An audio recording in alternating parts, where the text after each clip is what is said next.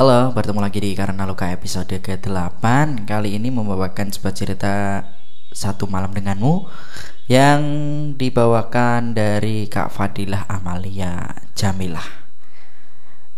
Karena Luka episode ke-8 Selamat mendengarkan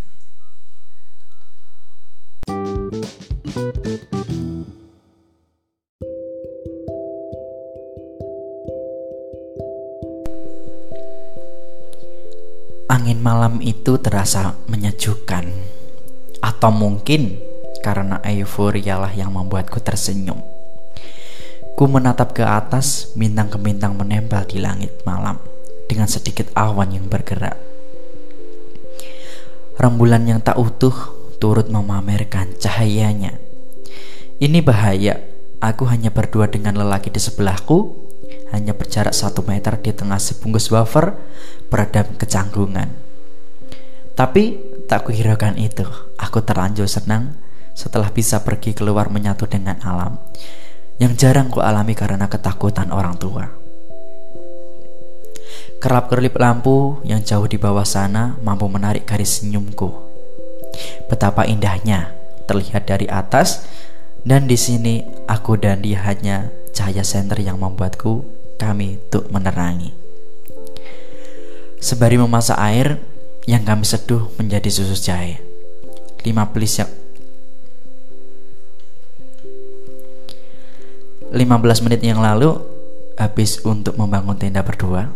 Setelahnya ia memintaku duduk manis di atas karpet. Biarlah aku yang membereskan barang-barang ini.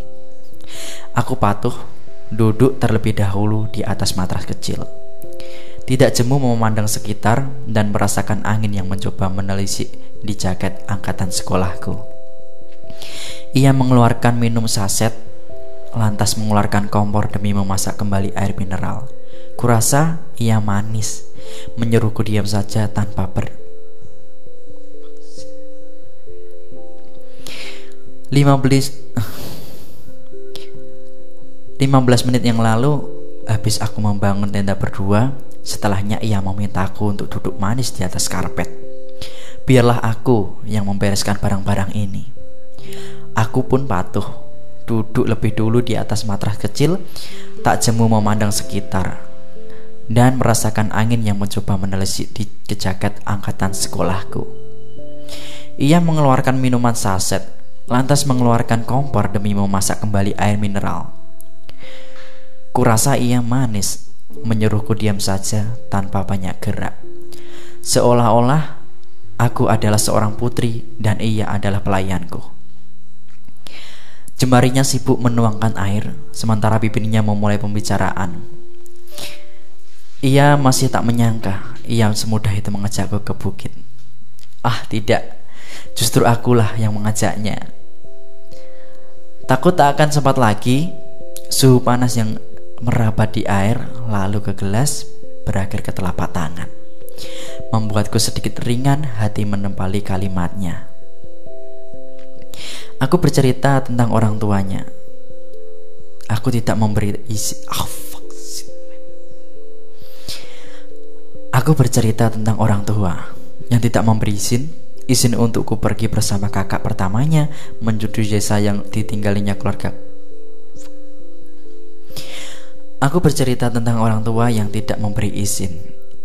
Izin untukku pergi bersama kakak pertama menuju desa tempat tinggalnya dan keluarga kecilnya. Aku kesal, merasa tidak adil.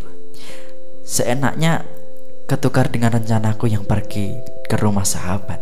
Padahal aku pergi ke provinsi sebelah bersama orang lelaki. Ia tertawa kecil. Laki-laki tak menyangka aku senekat itu. Tapi giliran e, bercerita, ia juga tidak merasa adil dengan keperlakuannya orang tuanya yang pilih kasih.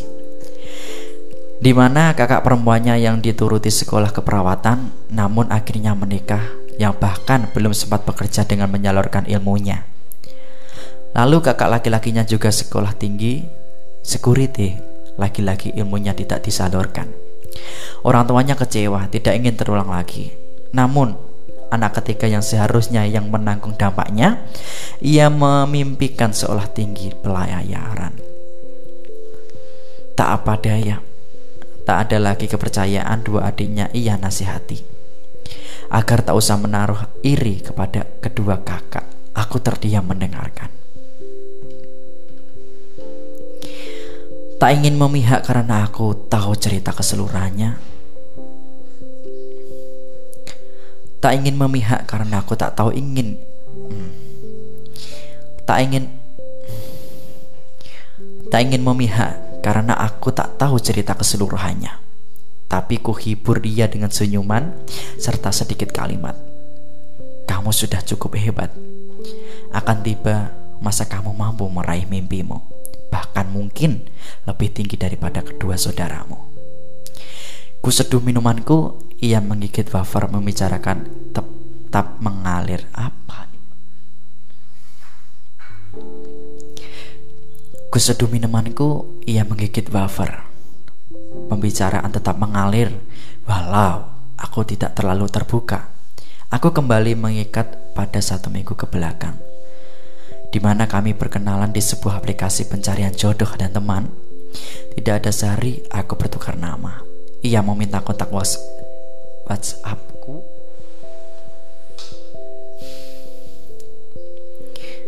Ku seduh minumanku, ia menggigit wafer.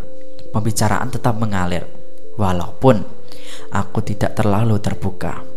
Aku kembali mengingat pada satu minggu ke belakang, di mana kami berkenalan di sebuah aplikasi pencarian jodoh dan teman.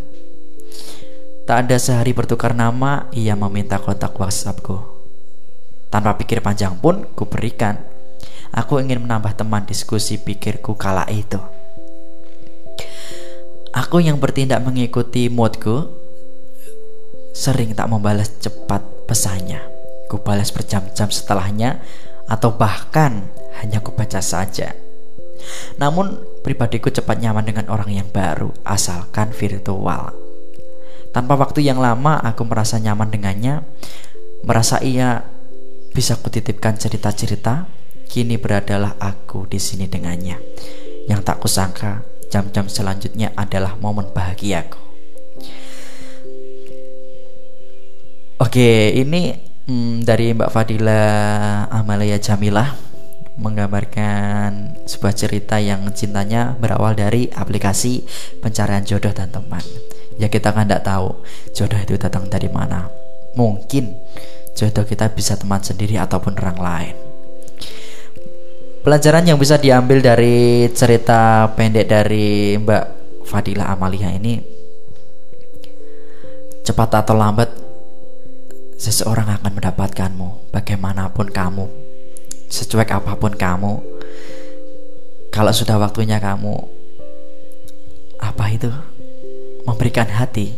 Kamu akan memberikan hati pada orang yang itu seorang yang tepat akan dapat orang yang tepat juga Oke, karena loka episode ke-8 dari Mbak Fadila dengan judul Satu Malam Denganmu. Terima kasih, sampai jumpa. Wassalamualaikum warahmatullahi wabarakatuh.